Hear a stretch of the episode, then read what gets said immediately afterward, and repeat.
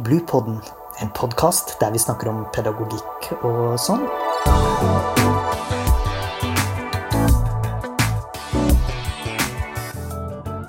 Podkasten er laget av barnehagelærerutdanninga ved Høgskolen på Vestlandet. Norge er et av verdens mest digitaliserte samfunn, og det har vi vært lenge, med hensyn til digitale muligheter for innbyggerne. Høy velstand gir en svært høy tetthet av digitale artefakter, og flere av de store tech-selskapene i verden bruker Norge for utprøving av produkter og system, sånn som Tesla og Apple. Men hva gjør dette med barndommen, og hva gjør dette eh, med den digitale sosialiseringen av barn? Denne episoden den skal handle om digital barndom og digitalisert oppvekst. Jeg heter Eivind Rogne, og de som er med meg for å snakke om dette, det er Mari Engesæter, barnehagelærer i Fosshagen barnehage i Sogndal. Og så er du også assisterende styrer i den barnehagen. Og i tillegg så er du lektor i pedagogikk. Stemmer. Hei. Hei.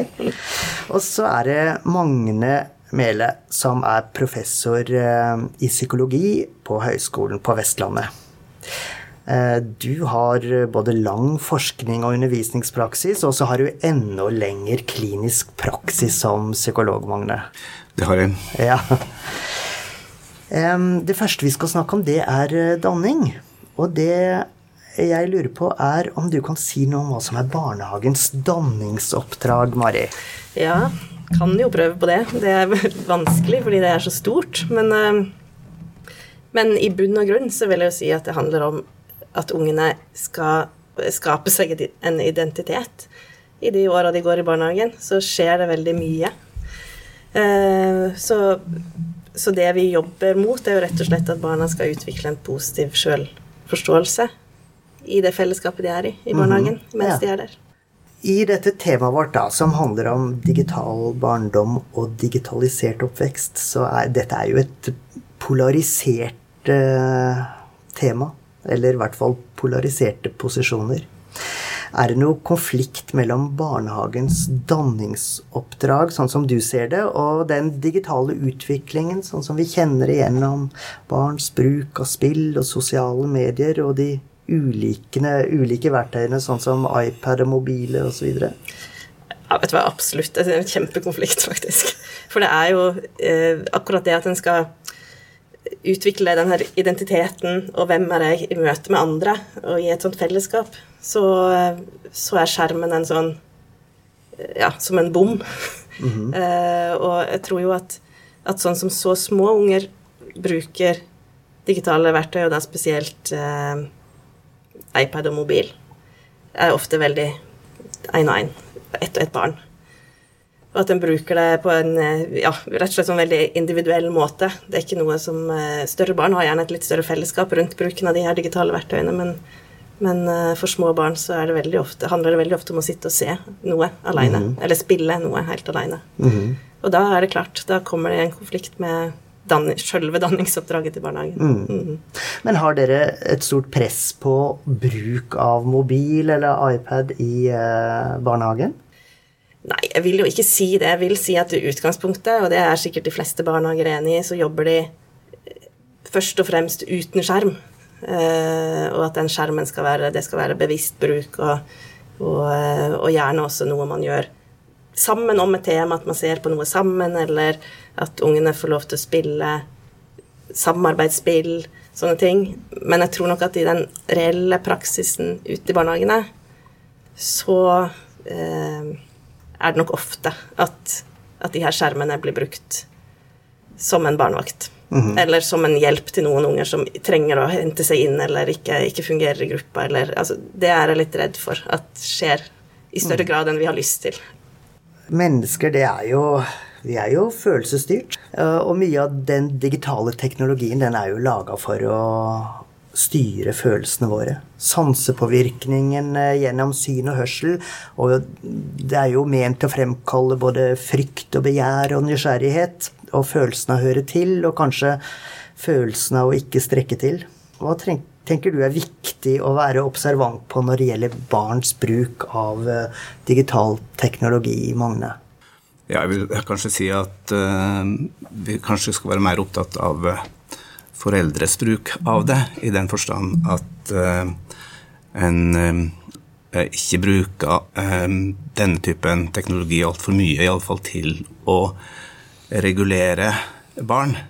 Det er jo ikke noe i veien med teknologien i seg sjøl, og den er jo nettopp utvikla, som du sier, for å tiltrekke oss mennesker på ulike måter. Eh, men den har åpenbart òg en slagside ved at den er veldig effektiv. En effektiv måte å regulere på. Vi merka med det som Mari sa om at uh, små barn de bruker ofte denne typen skjermer da, eh, når de er alene, eller en form for alenebruk mens større barn oftere gjør det sammen med noen. Og jeg tenker Det er ganske stor forskjell på de to sidene. Mm -hmm. Og det, det kjem, da kommer vi jo inn på sånne ting som har med Kanskje det har òg med danning å gjøre, Mari. Altså at, eh, at barn eh, og, skal lære seg samspill og samhandling, selvsagt. Sånne ting som har med empati eh, og medfølelse for andre. Eh, og det gjør jo barn gjennom å bli møtt på den måten sjøl. Sånn at hvis eh, en altfor stor del av den reguleringen som skjer, skjer gjennom at barn blir på en måte plassert for seg sjøl med noe, så mister de viktig læring om hva som er den beste måten å regulere seg på. Det er jo gjennom andre. Gjennom den omsorgen som de får først og fremst voksne i tidlig alder, men òg fra barn, andre barn og jevnaldrende senere i livet. Ja, Som du vet, eh, eller som du sa, eh, Eivind, så har jeg jo en del klinisk erfaring og med barn og ungdom. Og eh, ofte så må jeg faktisk snakke med dem om dette med regulering, fordi at eh, mange har lært seg uhensiktsmessige måter å regulere seg på.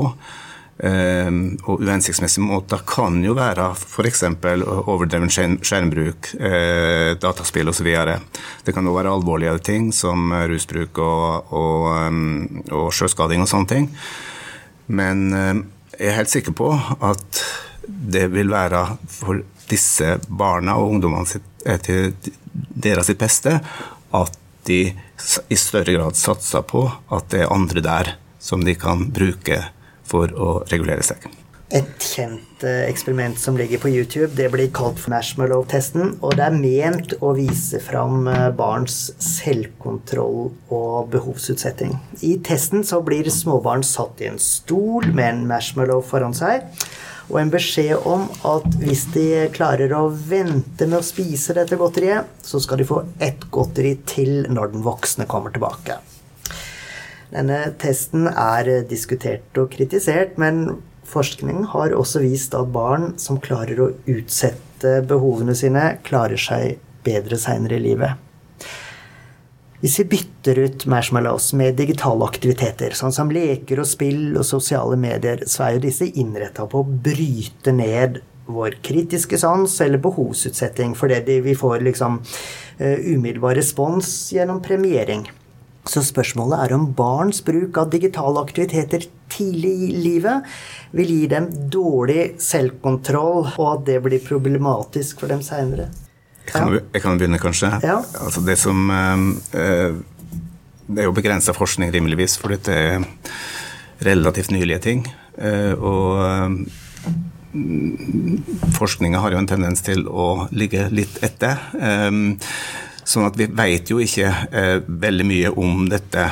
Eh, det vi eh, vet, er jo mer sånn indirekte at klart det lønner seg å kunne utsette behovene sine. Det er noe som eh, alle både barn og voksne erfarer etter hvert. Det lønner seg å eh, begynne med leksene før eh, en skal legge seg, og det lønner seg å begynne å lese til eksamen før dagen før, osv. I hvor stor grad dette vil endre seg, eller hvor stor grad dette blir påvirka av digitale medier, det er jo vanskelig å si. Men det er klart at det er viktig at barn får hjelp til å, å, å ha kontroll med bruken. Og der hadde kanskje du noen erfaringer, Mari? ja, kanskje mest som mor, egentlig. Mer enn i barnehagen. I barnehagen er det veldig greit å regulere, fordi at der er eh, der er en satt i en setting hvor det ikke, ikke er liksom eh, tilgjengelig uh, uten at en planlegger det. Mens på heimebane så er jo de digitale flatene der hele tiden. Og den, eh, den derre reguleringen av bruk, altså å, å kunne faktisk utsette det behovet for å sjekke den mobilen eller, eller se enda et klipp på YouTube, den er vanskelig både for voksne og barn. Og så er det jo spørsmålet om det er noe som man kan liksom lære seg Menneskeheten kan lære seg å bli litt bedre å regulere mm. når man blir mer vant til det. Mm. Eh, men jeg tror jo òg at det fører til litt klasseskille, på lik linje med godt kosthold eller ja, det der med skjermbruk. Eh, og at det er de mest ressurssterke som klarer å, å regulere det på en veldig, veldig streng måte, hvis det er det jeg skal kalle det. Mm -hmm. Så um, For det er ikke lett Nei. å gjøre det. Men en, en, har jo lett for å bli veldig sånn problemorientert knytta til uh, møtet med det digitale. Det er jo mye moro. Det er virkelig en gullgruve, er det jo. Og, og, sånn som vi bruker det i barnehagen nå, så er det jo kjempegøy å kunne sitte og snakke om Hva var det vi snakka om her en dag? Vi snakka om um, avokado. Vi åt avokado. Ja. og så begynte ungene å snakke om uh, hvor vokser den? Og så kunne vi jo bare Og da, da, kan du bare google det. Og så kan du snakke om hva du ser, og, og, og hvor er det i verden? Og, altså det er en sånn Det åpner jo opp for mange muligheter, både, både litt sånn pedagogisk, men også sosialt, selvfølgelig, for ungene. Og, og måter å leke sammen på du ser vel sannsynligvis også dette her igjen i lek? Veldig. Ja. Mm. Um, på en måte er det ikke så annerledes enn at unger har lekt det de har sett på barne-TV uh, siden det fantes barne-TV. uh, og det samme gjelder jo fortsatt. At de ser, uh, ser ting på, på, YouTube eller som, som, forplanter seg i leiken. Uh, og da og tenker jeg sånn der, Vi må bare minne oss på at det unger driver med ofte når de når de ser på ting, og når de eh, spiller, og når de leker, det er jo nettopp det. At de leker. At det er leik. Det var jo en skikkelig stor sak eh, Jeg vet ikke om det var for et års tid siden, eller noe med den her um, Squid Games. Mm. En sånn serie som, som viste, viste, en del vanlige barneleker, sånn som rødt lys, f.eks. Bare at de som, de som da ble sett bevege seg, de ble skutt. Ja. eh, og det lekte ungene.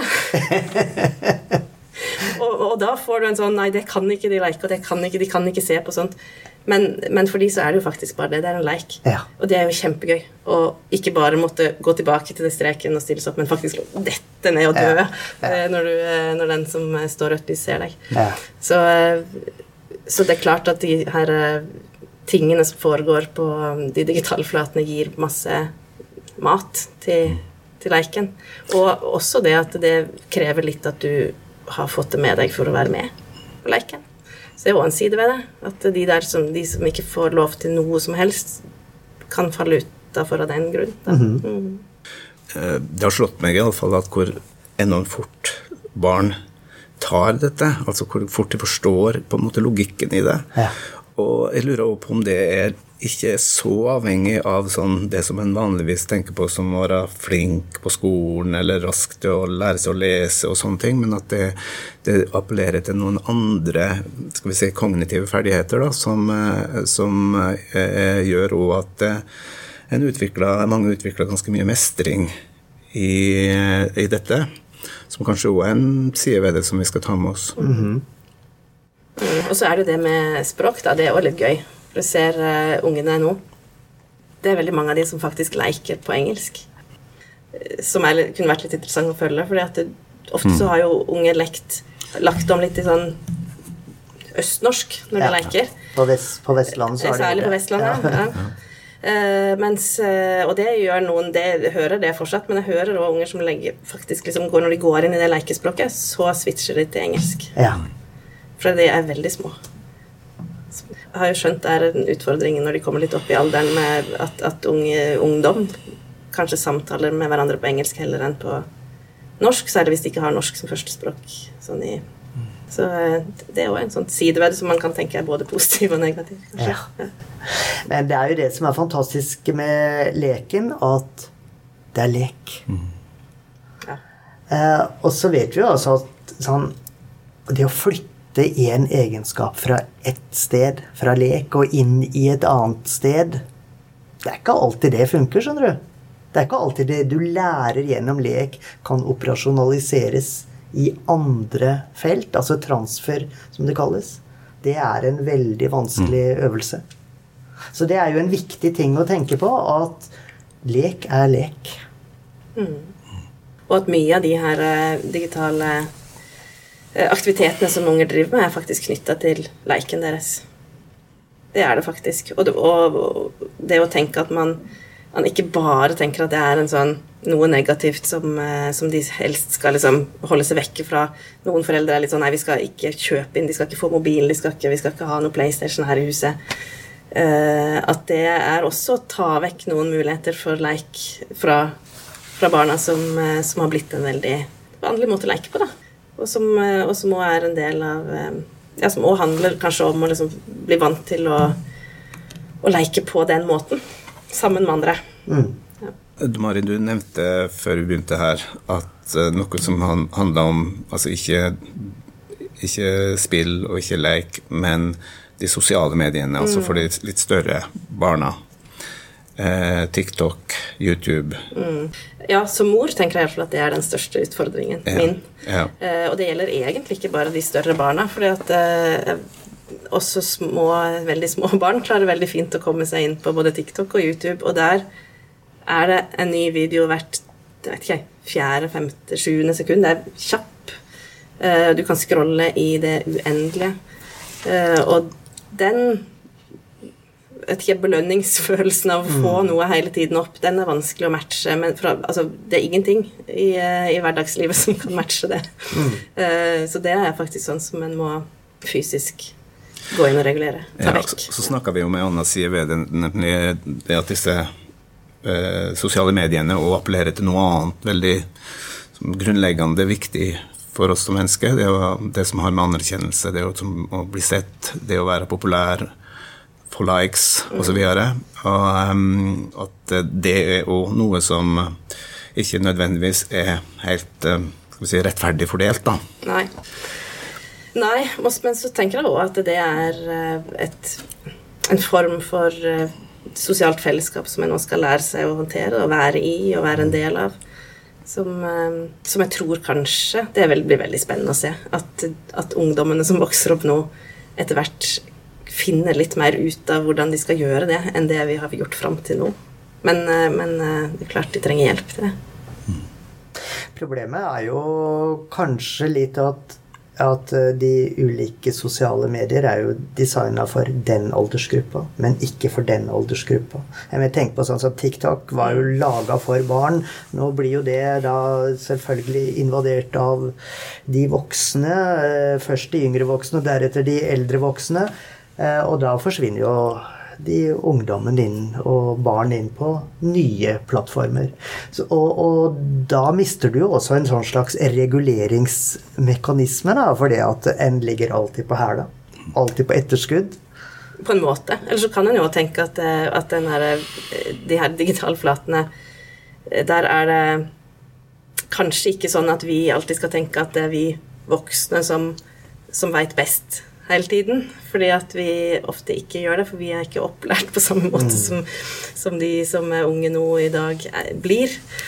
Sånn at eh, de, de, frykt, de vil jo vekk de fra Facebook og alle de her plattformene som eh, foreldregenerasjonen har invadert.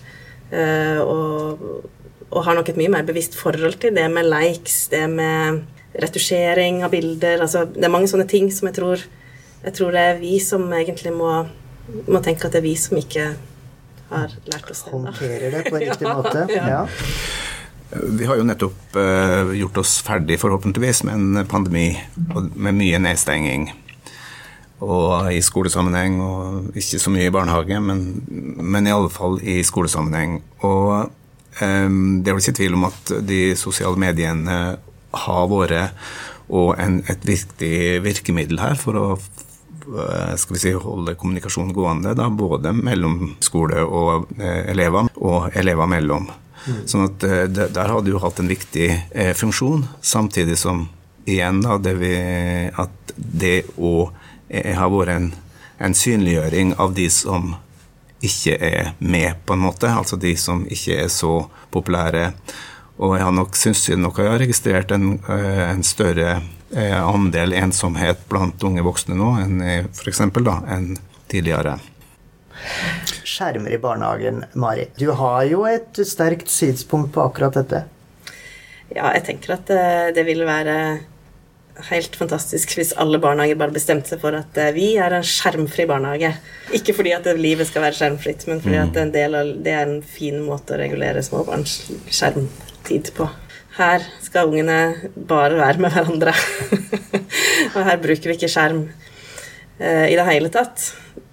Og det tenker jeg kanskje handler ikke så mye om at handler ikke så mye om en sånn pedagogisk eh, tanke om hva som er et best mulig innhold i barnehagen, men kanskje mer en sånn eh, at det er den enkleste måten å regulere skjermbruk for små barn på. For å se hvor vanskelig det er å gjøre eh, i, i, hverdagslivet hjemme. Da sier jeg tusen takk for samtalen. Jeg er eh, både Mari Engesæter og Magne Mele. Takk skal dere ha. Takk for oss. Podkasten er laget av barnehagelærerutdanninga ved Høgskolen på Vestlandet.